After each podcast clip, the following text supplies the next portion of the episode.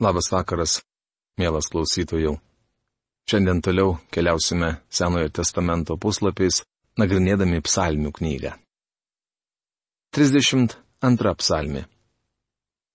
Tema - pamokanti psalmi. Ši psalmi vadinama dvasiniu brangakmeniu, tačiau dažnai suprantama klaidingai. Ji vadinasi Davido maskilas.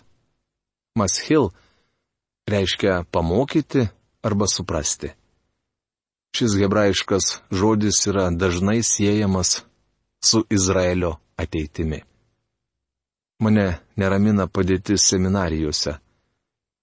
Vaikydamosios populiarumo, jos parsiduoda įtakingoms asmenybėms, tampa priklausomos nuo įvairių paramos programų šio laikinėse seminarijose pabrėžiamas intelektualumas. Būtų gerai, kad jie atsiverstų šią psalmę ir pamatytų, kad Dievo plane yra ateitis Izraeliui. Bet tai suprasti reikia šiek tiek dvasinės įžvalgos. Noriu, kad paklausytumėte, kaip šventajame rašte vartojamas žodis maschil kai kalbama apie Izraelio tautą. Danieliaus knygos 11 skyriaus 33 eilutėje skaitome. Išmintingieji, Maschil, tarp žmonių padės daugeliui žmonių suprasti, tačiau jie kurį laiką bus tapę kalavijo ir liepsnos aukomis, kes nelaisvę ir plėšikavimą. Toliau Danieliaus knygos 11 skyriaus 35 eilutėje parašyta. Kai kurie išmintingųjų, Maschil, kris, kad būtų išmėginti ugnyje, išgryninti ir padaryti švarus iki laikų pabaigos, nes ji turi įvykti nustatytų metu. Danieliaus knygos 12 skyriaus 3 eilutėje sakoma. Išmintingieji Maschil, švitės dangaus kliauto spindesiu, o vedusieji daugelį į teisumą bus tarsi žvaigždės per amžių amžius. Danieliaus knygos 12 skyriaus 10 eilutėje pasakyta. Daugelis bus išgryninti, padaryti švarūs ir išmėginti ugnyje, Tačiau nedorėliai ir toliau nedorai elgsis. Ne vienas nedorėlių to nesupras, o išmintingieji Maschil supras.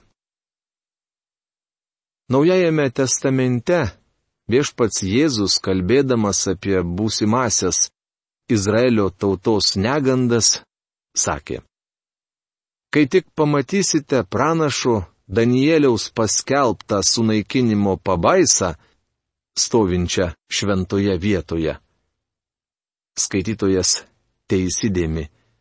Tai yra Maschil, rašoma Mato Evangelijos 24 skyriaus 15 eilutėje.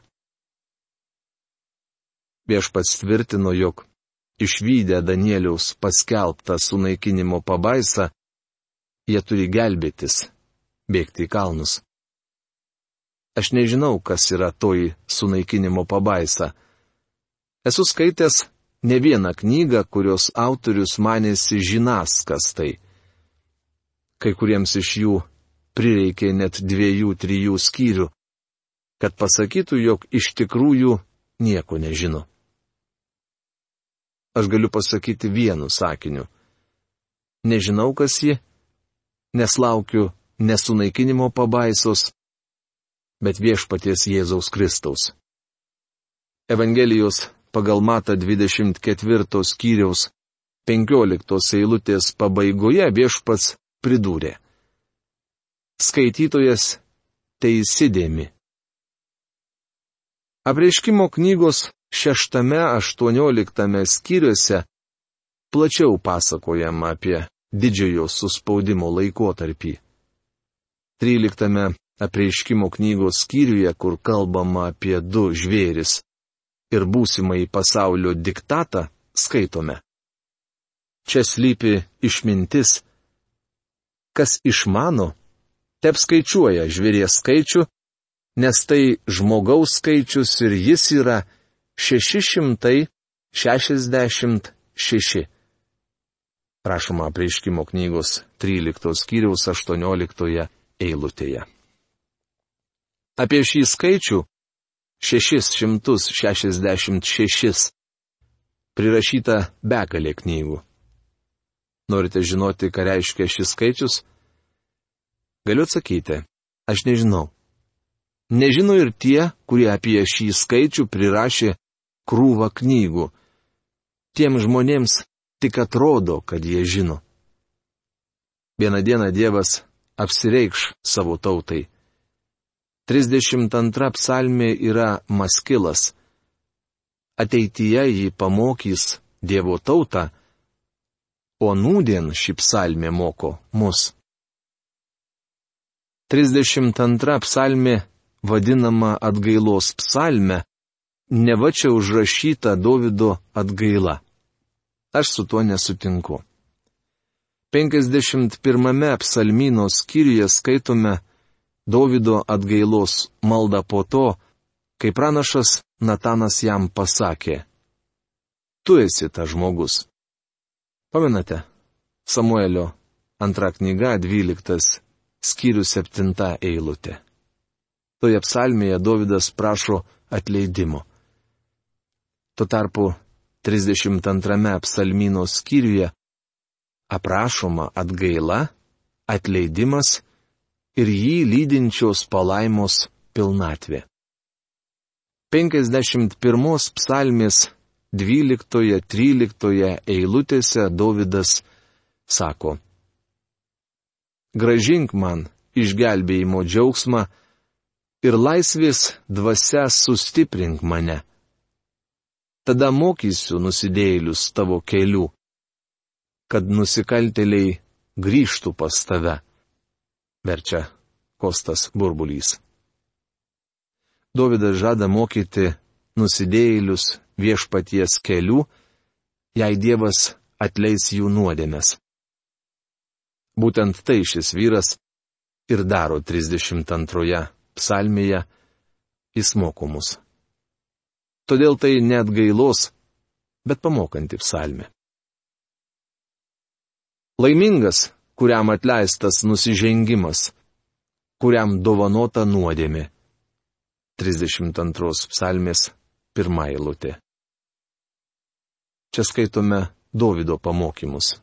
Jis sako mums, kad išpažino savo nuodėmę Dievui ir jam buvo visiškai atleista. Šis vyras rado Dieve prieglopsti ir buvo apgaubtas džiugiais išganimo šūksniais. Laimingas ir palaimintas yra sinonimai. Šį žodį mes jau buvome sutikę anksčiau. Pačioje pirmoje psalmėje ten sakoma, laimingas, arba kaip verčia Kostas burbulys, palaimintas, kas atmeta nedorelių patarimus, kas neina nusidėjėlių keliu ir nebendrauja su pašaipūnais. Rašoma pirmos psalmės pirmoje eilutėje. Pirmoje psalmėje aprašyta palaima gali džiaugtis tik tobulas žmogus. Nežinau kaip jūs, bet aš nesu tobulas. Iš tikrųjų, pirmame psalmino skyriuje kalbama apie viešpati Jėzų, tobulą žmogų palaimintas žmogus, kuris nestoja, nevaikšto ir nesėdi. Tai mano parafrazė. Čia sakoma, ko tobulas žmogus nedaro. Bet džiaugiasi viešpaties įstatymu, antra eilutė. Tasai įstatymas mus pasmerkia. Tačiau viešpaties Jėzaus Kristaus nepasmerkė. Įstatymas susidedantis iš įsakymų ir nuostatų negali žmogui suteikti palaimos. Jis reikalauja tobulo paklusnumo, kuris žmogui nepasiekiamas, todėl užtraukė jam prakeikimą. Laiško Galatams trečios skyriaus dešimtoje eilutėje sakoma. Visiems, kurie remiasi įstatymo darbais, grėsia prakeikimas. Parašyta, prakeiktas kiekvienas, kas ištikimai nesilaiko visų dalykų, surašytų įstatymo knygoje ir jų nevykdo. Nėra žmogaus, kuris sažiningai galėtų pasakyti, jog laikosi Dievo įstatymu. Jei tvirtinate, jog vykdote įstatymą, galite drąsiai prašyti viešpati Jėzų užleisti jums vietą Dievo tėvo dešinėje, nes tai jūsų vieta. Jūs tobulas. Bičiuli, nei jūs, nei aš nesame tobuli. Tik vienas viešpats Jėzus Kristus. 32 psalmės pirmoje eilutėje kalbama apie palaimą žmogaus, kurio nuodėmė atleista. Kristus vietoj mūsų numirė už mūsų nuodėmės ir tokiu būdu patenkino Dievo teisumą. Taigi dabar šventas Dievas gali išlikti teisingas ir būti mūsų gelbėtojas. Nenusižengdamas savo teisingumui, jis gali nuteisinti tuos, kurie tiki Jėzų. Tikėjimas Kristumi įskaitomas teisumu. Laiško romiečiams ketvirtos skyriaus penktoje eilutėje skaitome. O tam, kuris nedirba, bet tiki tuo, kuris nuteisina bedievi, teisumu įskaitomas jo tikėjimas. Tokiu būdu buvo išgelbėti tūkstančiai Senojo testamento tikinčiųjų, pradedant Adomu ir Jėva, kurie laukė moters vaisiaus ir ilgėjusi užbaigto viešpatės Jėzaus Kristaus darbo. Davidas laimingas, palaimintas žmogus, nes jam atleistos nuodėmės. Laimingas žmogus, kurio viešpats nelaiko kaltu, kurio dvasioje nėra apgaulės. 32 psalmės antra eilutė. Kostas burbulys šią eilutę verčia taip. Palaimintas žmogus, kuriam viešpats neįskaito kalties ir kurio dvasioje nėra klastos. Dievas neįskaito nuodėmės tam, kuris tiki Kristų. Toji nuodėmė buvo uždėta ant Kristaus, paukoto dėl mūsų nusikaltimų ir prikelto mums nuteisinti. Rašoma romiečiams laiško ketvirtos skyrius 25 eilutėje. Tas, kuris nepažino nuodėmis, dėl mūsų buvo paverstas nuodėme, kad mes jame taptume Dievo teisumu. Vėlgi mano parafrazė kokį nuostabų dalyką dėl mūsų atliko Dievas Kristuje. Davidas pasakoja, kaip mėgino nuslėpti savo nuodėmę. Kol tylėjau, mano kaulai nyko nuo mano nuolatinių dėjonių. 32 psalmės, trečia eilutė. Jis sėdėjo soste, žvalgėsi aplink stovinčią minę ir mąstė, Ne vienas iš jų nežino, ką aš padariau. Niekas nenutuokia apie mano nuodėmę. Man puikiai sekasi ją nuslėpti. Tačiau sąžinė nedavė Dovydui ramybės. Jis ėmė blokti ir draugai pradėjo nerimauti. Jie mane, kad karalių kamuoja rimta lyga ir patarė kreiptis į gydytoją. Tuo tarpu Dovydas diena iš dienos kentė agoniją. Nes dieną naktį mane slėgė tavo ranka. Mano jėgos išseko lyg nuo vasaros karščių. Sela. 32 psalmės ketvirta eilutė.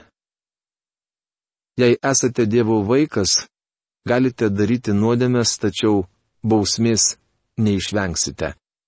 Jums atsirūks. Tuo ir skiriasi tikinčio ir netikinčio žmogaus padėtis. Pasaulietis gali laikinai išvengti bausmės už savo nuodėmes, bet Dievo vaikas - ne. Dievo rankas lėgė Dovydą dieną naktį. Paulius sako, jei mes patys savęs paisytume, tai nebūtume teisiami. O kai viešpats mus teisia, tai ir pabaudžia, kad nebūtume pasmerkti kartu su pasauliu. Rašoma pirmame laiške korintiečiams 11 skyriuje 31-32 eilutėse. Jei mes savęs neteisėme, mus teis Dievas. Dovydui nusidėjus, pranašas Natanas atėjo jam papriekaištauti, jis sakė. Noriu papasakoti tau vieną istoriją. Štai jo pasakojimas. Du žmonės gyveno viename mieste. Vienas buvo turtuolis, o kitas skurdžius. Turtuolis turėjo labai daug avių ir galvijų, o skurdžius turėjo tik vieną mažą avelę, kurią buvo nusipirkęs. Ja užaugino. Ji užaugo su juo ir jo vaikais, dalydavosi jo duonos kasniu, gerdavo iš jo puoduko, glausdavosi jam ant kelių. Ji buvo jam kaip duktė. Vieną dieną pas turtuolį atėjo pakeleivis. Turtuolis nenorėjo imti savo avies ar galvijo, valgiui parengti atėjusiam keleiviui. Paėmė skurdžiaus avelę ir parengė ją svečiui. Ant to žmogaus labai širdės Davidas tarė Natanui, kaip gyvas viešpats, žmogus, kuris tai padarė, turi mirti. Be to už žavį jis turi atsilyginti keturgubai, nes padarė tokį dalyką ir nepasigailėjo. Natanas tarė Dovydui, tu esi tas žmogus. Rašoma Samuelio antroje knygoje, dvyliktame skyriuje, pirmoje, septintoje eilutėse. Tuomet Dovydas išpažino savo nuodėmę. Tada išpažinau tau savo nuodėmę, nebeslėpiau savo kalties, tariau, išpažinsiu savo nusikaltimus viešpačiui ir tu, atleisdamas man nuodėmę, pašalinai kaltę. Sela. 32 psalmės 5 eilutė. Argi tai negeras pamokymas? Jei šiandien esate praradę bendrystę su Dievu, šioje eilutėje Dovydas nurodo kelią, kuriuo galite pas jį sugrįžti. Jeigu išpažįstame savo nuodėmes, jis ištikimas ir teisingas, kad atleistų mums nuodėmes ir apvalytų mus nuo visų nedorybių, rašoma pirmame Jono laiške, pirmame skyriuje, devintoje eilutėje. Užtat prireikus melsis tau kiekvienas ištikimas žmogus, nors išsilies grėsmingi vandenys, jie nepasieks jo. 32 psalmės 6 eilutė. Manau, sakydamas, grėsmingi vandenys, Davidas mena nojaus laikų tvaną. Užėjus tvanui, nojus buvo laive. Vanduo, pražudęs kitus, jį tik pakėlė, mat nojus buvo laive. Teismo vandenis negalėjo pasiekti nojaus. Čia žemė ištiks dar vienas didelis teismas. Tik šįsik bus ne potvinis, o ugnis. Tuomet jau nieko nebepakeisite. Tu mano pastogė, tu ištrauki mane iš vargo ir apgaubi džiugiais išganimo šūksniais. Sela. 32 psalmė 7 eilutė. Šia eilutė baigėsi žodeliu sela, tai reiškia sustoti įsižiūrėti ir įsiklausyti. Apmastykite, ką girdėjote. Sela reiškia muzikinę pauzę. Spėju, kad tuo metu nutildavo ir orkestras, ir choras. Šią tylos minutę buvo galima apmastyti, kas buvo gėdota. Apsvarstykite tai, bičiuli. Gal esate praradęs bendrystę su Dievu? Gal jums reikia prieglopščio ar pastogės? Kągi, Dievas jums gali tapti pastogę. Viešpats sako, mokysiu tave ir rodysiu tau kelią, kuriuo turi eiti. Patarsiu tau, lydėdamas tave akimis. 32 psalmės 8 eilutė. Kad viešpats jūs lydėtų akimis, turite būti labai arti jo. Toliau Dievas pasako linksmą palyginimą. Nebūk kaip arklys ar mulas neturintis proto, kurio narsas tramdoma žaslais ir kamanomis, nes kitaip jis tau nepaklūsta. 32 psalmės 9 eilutė. Daugelis krikščionių nepaklūsta Dievo valiai. Tikintįjį, kuris nenori paklusti Dievo valiai, viešpats prilygina senam bukagalviui mūlui. Tai man primena atsitikimą, kai vienas teksasietis kartu su bičiuliu įkinkė asilaitį į vežimą, ketindamas pasivažinėti ir kartu aplankyti kelis bendrus pažįstamus. Prieš sėsdamas į vežimą, šeimininkas pasiemė lentgalį ir vožė asilui per galvą. Bičiulis paklausė, kodėl tai padarėjai. Anas atsakė, kad atkreipčiau jo dėmesį. Daugelis iš mūsų esame panašus į tą asilą. Štai kodėl šventasis raštas sako, nebūk kaip arklys ar mulas, neturintis proto, kurio narsas tramdoma žaslais ir kamanomis, nes kitaip jis tau nepaklūsta. Ši psalmė baigėsi pakilę gaida. Nedorilis turės daug kentėti, o tą, kuris pasitikė viešpačiu, lydės ištikima meilė. Būkite linksmi viešpatyje ir džiūgaukite teisėjai. Šaukite iš džiaugsmo visi doros širdies žmonės. 32 psalmės 10-11 eilutės. Kas bebūtumėte ir kur begyventumėte, jei pažįstate viešpati Jėzų Kristų kaip savo gelbėtoje, galite džiūgauti, išliedami savo širdį Dievui. Tokia žinia šiandien. Iki greito susitikimo. Sudė.